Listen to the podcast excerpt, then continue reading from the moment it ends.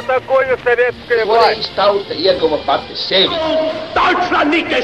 Liktenīgas nejaušības un slēptas likumsakarības, subjektīvas patiesības un objektīvi aizspriedumi. Pēc atkušņa nekad nenāk uzreiz pavasars, bet sākās Arī šodien cilvēki ir ļoti tuvredzīgi. Viņi redz to naudu, kas ir. Televīzijā jau pamatā notiek cīņa par vārdu. Pagātne no šodienas skatu punkta un šodienas caur pagātnes prizmu. Raidījumā šīs dienas acīm. Latvijas radio eterā Eduards Liniņš. Labdien, cienījamie klausītāji! 1989. gada 9. novembris kļuva par būtisku pagrieziena punktu Vācijas un visas Eiropas vēsturē. Vairākus mēnešus pirms tam briedusī spriedze Vācijas Demokrātiskās republikas komunistiskā režīma un sabiedrības starpā šīs dienas vakarā izlādējās Berlīnē, kur tūkstošiem vāciešu devās pie Berlīnes mūra, līdz tam rūpīgi apsargātas un ar betona sienām aprīkotas robežas starp VDR galvaspilsētu Austrum Berlīni un brīvajai pasaulē piederīgo Rietum Berlīni, un sāka šo robežu šķērsot. Austrumvācu robežsargi un policija neuzdrīkstējās iejaukties. Berlīnes mūris krita, un līdz ar to Vācijas atkal apvienošanās bija vairs tikai laika jautājums.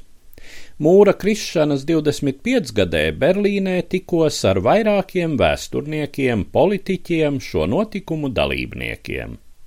Šodien mana saruna ar Berlīnes Brīvās Universitātes pētnieku doktoru Johenu Štātu par Berlīnes mūra tapšanas un tā krišanas vēsturiskajiem apstākļiem. The situation in 1961 on 13th of August, the wall. First, it was not the wall; it was just uh, fences and, and uh, barriers in through Berlin, and then the wall after after after, the next week was built up.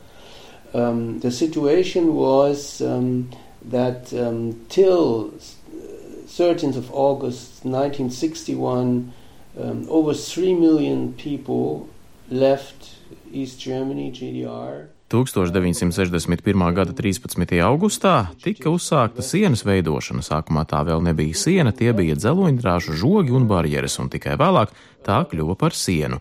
Līdz šim datumam gandrīz 3 miljoni cilvēku bija pametuši Austrumvāciju un kā bēgļi ieradušies Rietumvācijā. Starp viņiem bija daudz strādnieku un zemnieku. Zemnieki tāpēc, ka nepiekrita brīvprātīgi kolektivizēt savas saimniecības un zemi. Strādnieki tāpēc, ka ekonomikas process Rietumvācijā 50. gados bija sasniedzis tā saukto Wirtschaftswunder - ekonomikas brīnumu, ļoti veiksmīgu un attiecīgi strādniekiem pievilcīgu attīstību. Trešā aizbēgušo daļa bija labi akadēmiski izglītoti speciālisti, kurus neapmierināja režīma kontrole, kura gan ikdienas dzīvē, gan viņu darba vidē 50. gados kļuva arvien stingrāka.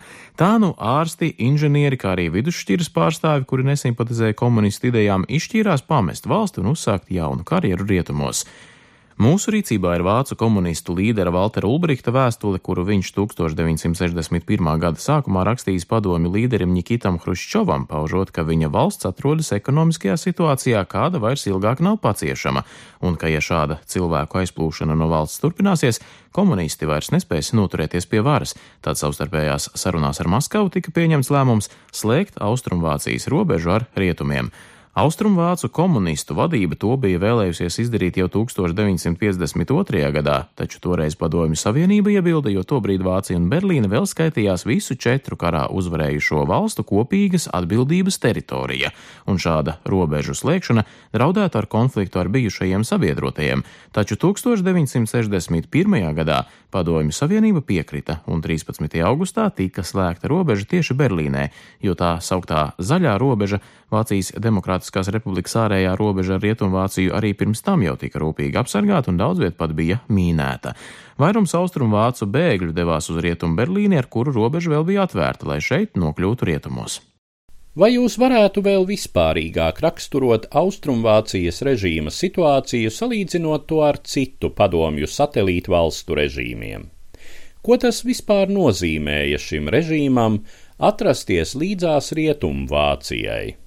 The special problem for East Germany in comparison to other socialist countries was that um, they themselves and the Soviet Union, when, when they started in uh, 1949 as an own state, that they wanted to be um, a kind of um, example for West Germany.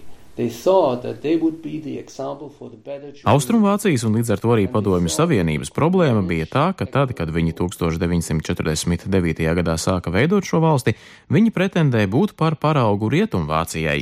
Viņi iedomājās, ka tieši Austrumvācija kļūs par labāko Vāciju, ka viņi spēs vadīt ekonomikas, kultūras un politiskos procesus tā, ka kļūs Rietumvāciešiem par pievilcīgu alternatīvu.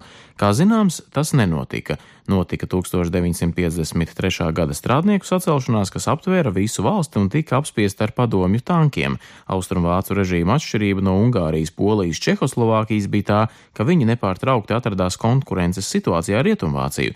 Nebija Rietum-Ungārijas vai Rietum-Čehoslovākijas, kamēr šeit abās pusēs robežai cilvēki runāja vienā valodā un varēja viegli šķērsot šo robežu, lai atrastu darbu Rietumvācijā.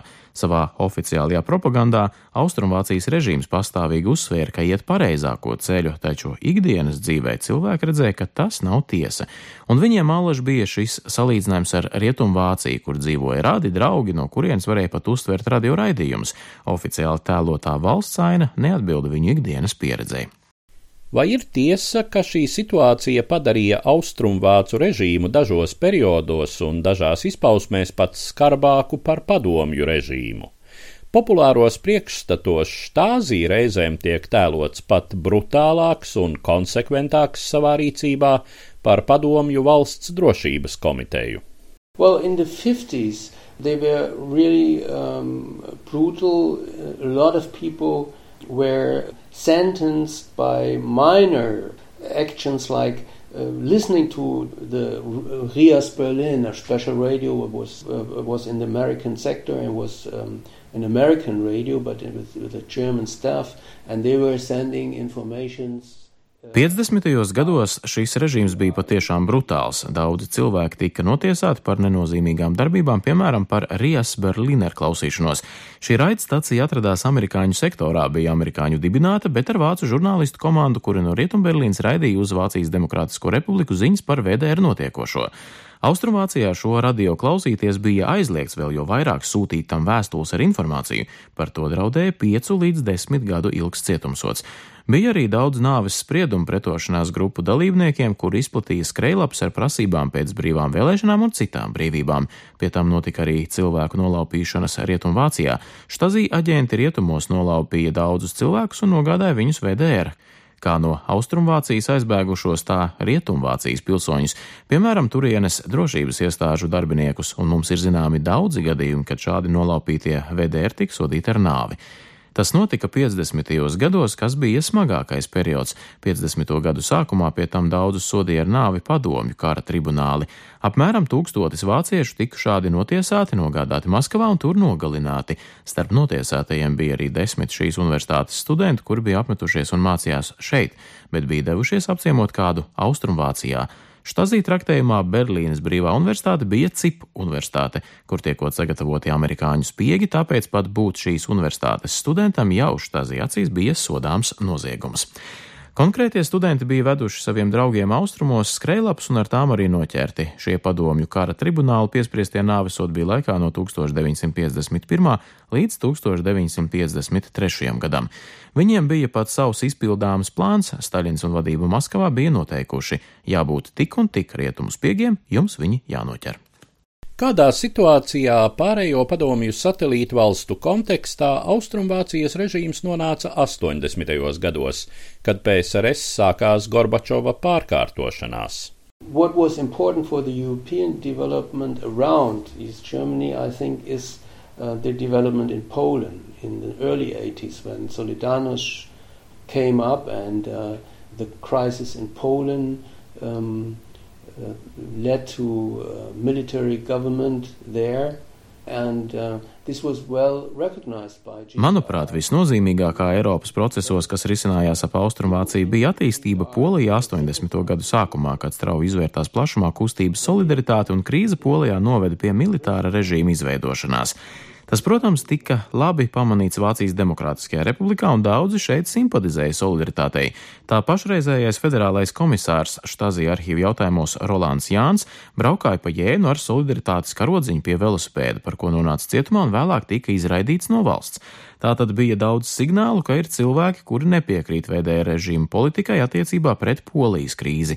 Režīms pastiprināja kontroli, un no štāzī dokumentiem mēs šodien redzam, ka kopš polijas notikumiem 80. gadu sākumā štāzī parādās vēl viena fronte. Pret polijas pilsoņiem, sevišķi poļu žurnālistiem, kur ieradās VDR, Štazī tagad izturējās gluži tāpat kā pret rietumu žurnālistiem. Tas bija sākums pārmaiņām Austrumvācijā. Paralēli risinājās notikumi Čehoslovākijā, Harta 77, Vāclava Havela vadītā kustība. Visi šie signāli rosināja arvien plašāku opozicionāru noskaņotu cilvēku iesaisti arī Vācijas Demokrātiskajā republikā, sevišķi jau baznīcu centrētajā sabiedrībā, bet arī ārpus tās. Poland, uh, had to declare that they were not anymore able to pay their debts on the international bank um, organizations, and the GDR was shortly before that. Vēl viens nozīmīgs aspekts bija tas, ka Polijai nācās atzīt, tā vairs nespēja pildīt kredītsaistības pret starptautiskajām banku organizācijām, un Vācijas Demokrātiskā republika arī atradās šādas situācijas priekšvakarā. Šajā laikā pieauga saspīlējums sakarā ar ASV pēršņu kodola raķešu izvietošanu Rietumvācijā, VDR valdība pat sāka paust, kā sākoties augstais karš, ka tagad mums būšot robeža ar raķetēm abās pusēs.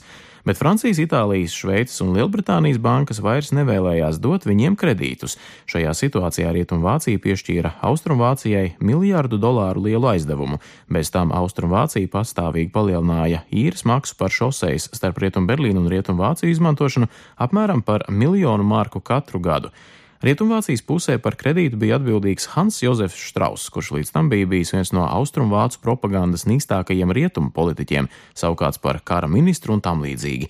Pēkšņi viņš bija kļuvis vēlams un gaidīts pie biedra Honekera Austrum Berlīnē. Pat neviens režīma atbalstītājs vairs nesaprata, kas notiek. Tā kā jau pirms Gorbačova nākšanas pie varas daudz kas bija mainījies, tad nāca Gorbačovs, nāca Perestroika un Glasnist, un cilvēki Austrumvācijā sekoja tam, kas notiek Padomju Savienībā. Salīdzinot ar situāciju pašu valstī, Polija atkal vērsās plašumā opozīcijas kustība, atsākās masu demonstrācijas ar prasību pēc brīvām vēlēšanām, kurās drīkstētu piedalīties arī opozīcija, un galu galā 1989. gada vasarā Polijā tika ievēlēta no komunistiem gandrīz neatkarīga valdība. Visi šie notikumi ietekmēja attīstību Austrumvācijas pilsoniskajā sabiedrībā. And another thing I think is, was important that was the development in West Europe. They could see in all East um, European countries, European Union is in a very, very fast progress. And um, we had a discussion in, in Germany 86, 87. A historian, Karl Schlögel, he's a well known uh, historian about Soviet uh, history. He wrote a book, and main thesis was um, Prague is in the middle of Europe. Vēl viens, manuprāt, nozīmīgs apstākļus bija attīstība Rietumē Eiropā. Austrumēropas iedzīvotāji varēja vērot ļoti strauju Eiropas Savienības izaugsmi. Ap 1985. un 1986. gadu Rietumvācijā notika plaša vēsturnieku diskusija, kad Kārlis Šlegels, ievērojams padomju Savienības vēstures speciālists, kādā publikācijā izvirzīja tēzi: Prāga ir Eiropas centrs. Sākās ļoti karstas debatas, kurās daudzi viņu vainoja, sakot, ka tā esot augstākā kara ideja.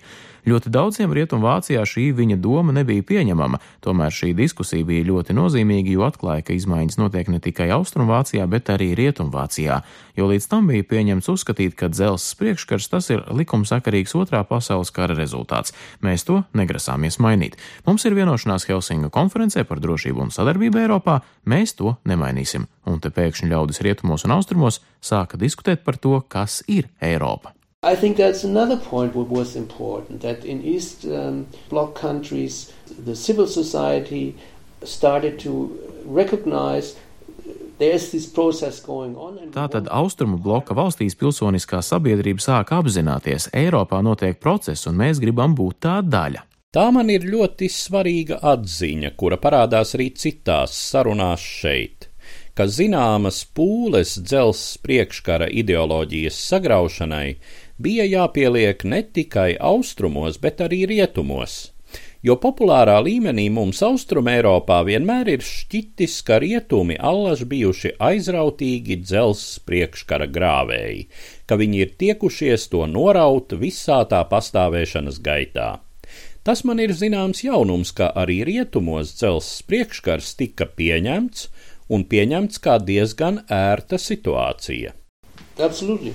We had a lot of uh, hard conflicts in the early 90s with uh, experts, uh, scientific experts, historians, and political scientists who were working about GDR before 89 in West Germany.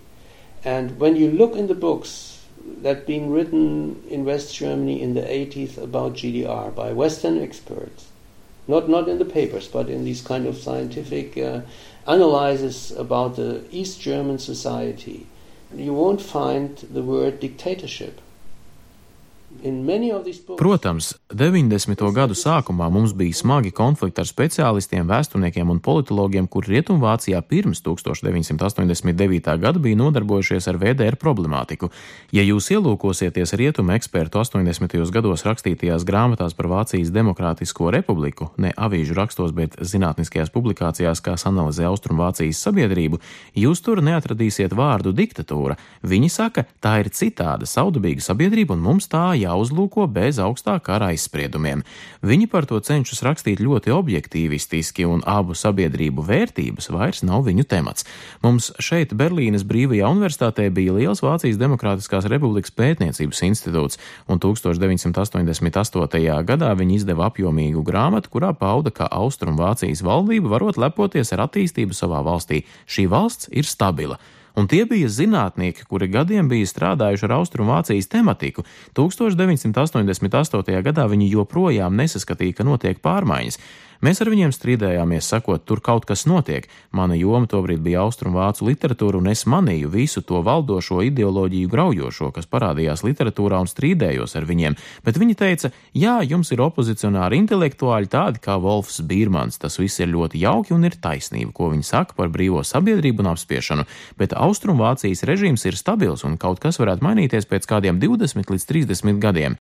Bija gan trīs autori, kuri bija savulaik pamatuši Austrumvāciju. Viens filozofs, viens finansists un viens vēsturnieks. 1987. gadā viņi publicēja grāmatu, kur apgalvoja, Ja Austrumvācija neizveidos konfederāciju ar Rietumvāciju, tad 2000. gadā tādas Austrumvācijas vairs nebūs. Tāpat Wolfgangs Leonhards, prominents sovietologs, kurš savulaik bija bijis Valtera Ulbrihta līdzgaitnieks, kad komunisti nāca pie varas Austrumvācijā, bet vēlāk aizbēdzis uz rietumiem, rakstīja tādā pašā garā 1987. gada priekšvakarā vienā no Lībeks laikrakstiem. Un visi eksperti viņus apsmēja, neviens viņus neņēma nopietni, dažu īpaņu, dīvainās idejas. There was a lot of people uh, in West Germany who were not interested in what happens in East Germany. I think the main part of the generation of the people between 20 and 30 who, who never uh, had uh, experience with East Germany, and a lot of experts and journalists who always were uh, thinking, don't we don't want to have trouble by writing things uh, uh, Tas jums jāpatur prātā. Rietumvācijā bija daudzi, kurus neinteresēja Austrumvācijā notiekošais. Es domāju, tāda bija lielākā daļa ļaužu vecumā starp 20 un 30, kuriem nekad nebija bijusi nekāda saskara ar Austrumvāciju, un ļoti daudz ekspertu un žurnālisti, kur uzskatīja, neradīsim sev liekas nepatikšanas, rakstot ko tādu, kas varbūt nepieņemams Austrumvācijas valdībai. Uzturēsim attiecības, kas ļauj neatgriezties pie augstā kara. Tātad tiek uzskatīts, ka 80. gados augstais karš jau bija beidzies. Well, nowadays you have a discussion what, how long did Cold War last? In the time at that time, everybody was saying when the government of Willy Brandt came into power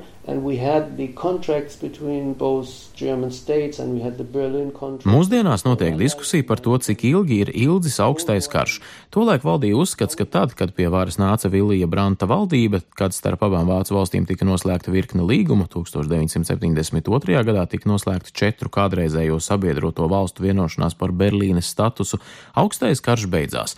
Tad augstā kara jēdziens atkal atgriezās līdz ar raķešu krīzi, kad 1981. gadā Helmuts Šmits kategoriski uzstāja, ka ir jāspēr stingri pretsoļi padomju SS-20 izvietošanai un Rietumvācijā tika izvērsti peršingi. Bet tad jau bija runa, ka mēs atkal varam nonākt pie augstā kara. Bet atgriežoties pie tā, ko teicu iepriekš, kad jūs dodat kādam tik daudz naudas un viņš to pieņem, tad viņš neies uzsākt pret jums augsto karu. Mūsu rīcībā ir dokumenti no Erika Honekera vizītes Padomju Savienībā 1983. gadā un tikšanās ar toreizējo padomju līderi Andropovu. Viņa apspriež Rietumvācijas gatavību piešķirt kredītu Austrumvācijai, un Honekers jautā, kas notiks, kad Rietumvācijā un citur Eiropā tiks izvietoti amerikāņu peršingi.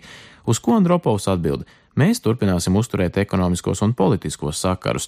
Jā, viņi cerēja izvērst Rietumvācijā plašu pretkara kustību un tā mainīt Vācijas Federatīvās republikas valdības domas, taču bija skaidrs, viņi negrasās pārtraukt ekonomiskās attiecības ar Rietumvalstīm, un Honekers to zinot varēja droši ņemt no Rietumvācijas naudu.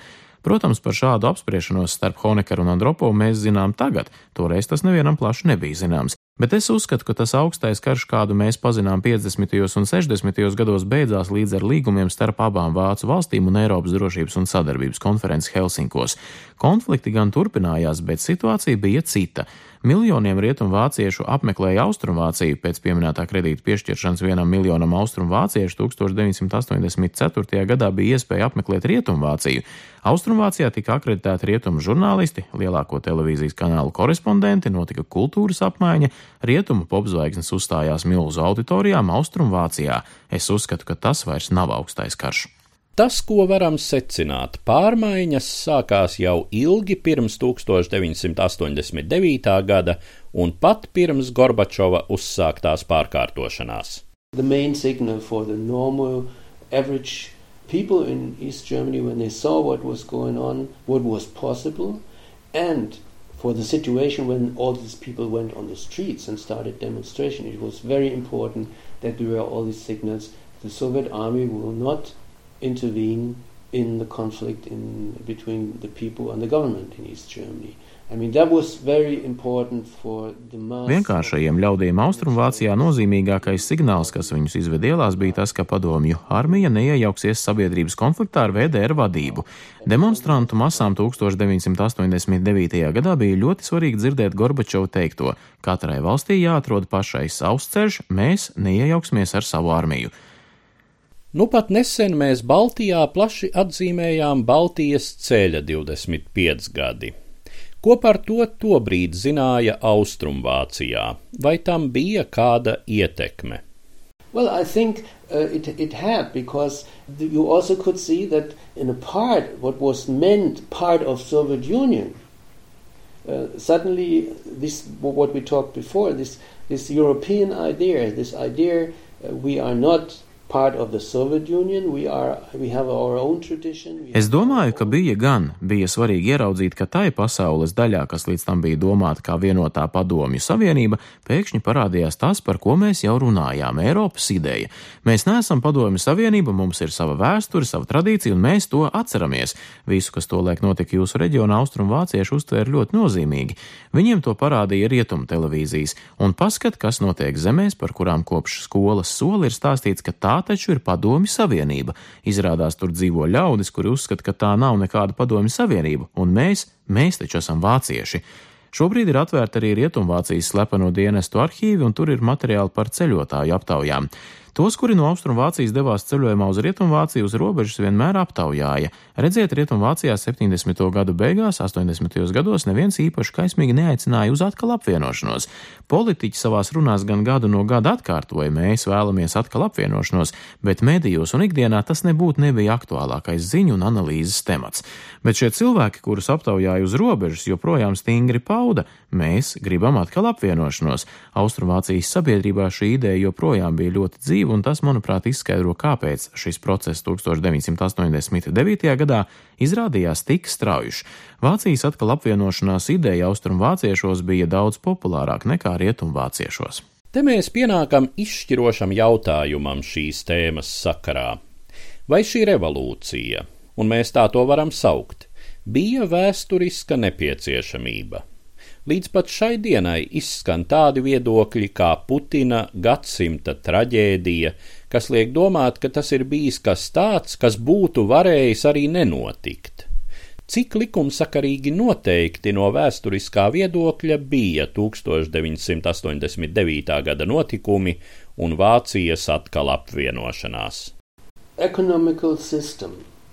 The system of um, states economic uh, organization like it was um, invented after the revolution in 1917 in Russia and Soviet Union and then in the East European countries had its time. The political uh, system of uh, dictatorship maybe could be accepted by people. You have examples that people accept a dictatorship long, long time like for example in Spain, uh, Es domāju, ka valsts organizētās ekonomikas sistēmai, kāda tika izgudrota pēc 1917. gada revolūcijas Krievijā, pastāvēja Padomju Savienībā un vēlāk arī Austrum Eiropā, bija savs laiks. Diktatūru kā politisku sistēmu cilvēki varbūt arī pieņemtu. Ir piemēri, teiksim, Spānijā, kad tauta ilgu laiku pieņem diktatūru, kamēr uzskata, ka tās ekonomika un ikdienas dzīve tiek pietiekami labi pārvaldīta, taču sociālisma zemju ekonomiskā situācija salīdzinot ar attīstību rietumos ilgākā laika posmā nonāca pie sava gala. Padomju Savienību kā sistēmu turēja kopā pastāvīga atsaukšanās uz ārējiem ienaidniekiem, kas vainīgi pie visa, pie daudz kā bija vainojams karš, taču pagāja 10, 20, 40 gadi un visreiz solītais tā arī nepiepildījās. Es domāju, kāda bija situācija visās šajās sociālismu zemēs. Ļaudis redzēja, ka viņiem tikai sola nonākšana socialistiskā paradīzē, bet tas tā arī nekad nenotiek, un cik tad ilgi mums vēl būtu jāgaida, Viņi vairs nepieņēma tos attaisnojumus situācijai, kura joprojām bija kāda bija. Režīma stāsts bija galā, tā ideoloģija, solījuma ideja par labāku sabiedrību bija galā. Tas arī, manuprāt, ir iemesls, kāpēc tas izbeidzās ne tikai kādā vienā no valstīm, bet visās šais valstīs. Vēl vispārīgāks jautājums. Kas rada revolūcijas? Mēs dažkārt mēdzam būt pārāk ideālistiski. Revolūcijas rodas no labo vērtību trūkuma, un brīvības kā pamatvērtības trūkuma sabiedrībā.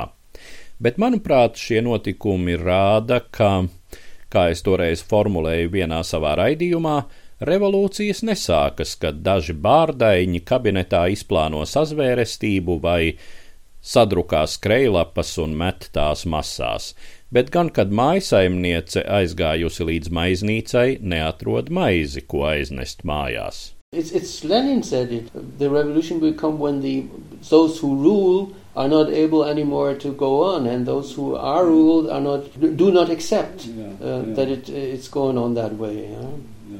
But I think it's, it's when you look back in history, uh, you have analog processes when big imperias uh, came to an end. Tas bija Leņņņins, kurš teica, ka revolūcija notiek tad, kad valdošie vairs nespēja valdīt pa vecam un pārvaldītie vairs nepieņem šo valdīšanu.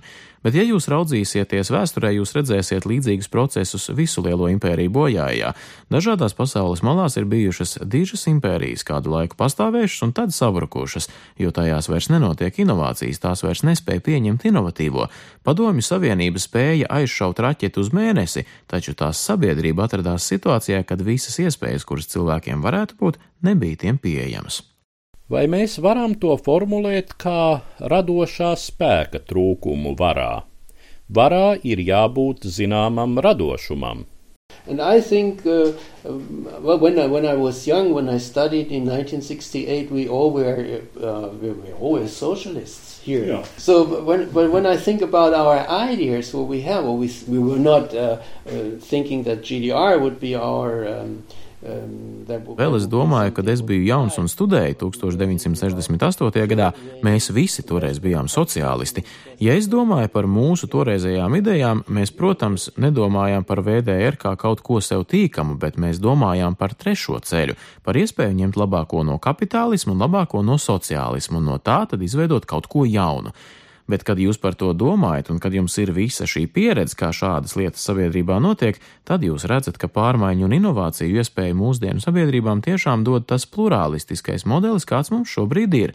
Jums ir daudz iespēju, daudzas idejas konkurēt cita ar citu, ir publiska diskusija, ir izvēles iespējas vēlēšanās, ir iespēja iespaidot politiskos procesus. Ikvienā sabiedrībā ir dažādas intereses, un jums nākas atzīt, ka tādas pastāv. Un es uzskatu, ka mūsu situācija ir visai laba, lai risinātu problēmas. Mums ir problēmas, bet mēs tās spējam risināt, un nav kā tajās Austrumēropas diktatūrās, kur kādi pamatā veci vīri sēž pilīs un izlemj jūsu likteni. Um, we have problems, but we can solve them, and we don't have, um, like it was in these dictatorships in East uh, East Bloc countries, that you always have some kind of people, old people, mostly old people, who sit in, in uh, big uh, palaces and decide about your life. Šī bija saruna ar Berlīnes Brīvās Universitātes pētnieku doktoru Johenu Štātu. Par organizatorisko atbalstu raidījuma tapšanā pateicos Vācijas Konrāda Adenauvera fonda projektu vadītājai Ritai Šorpai.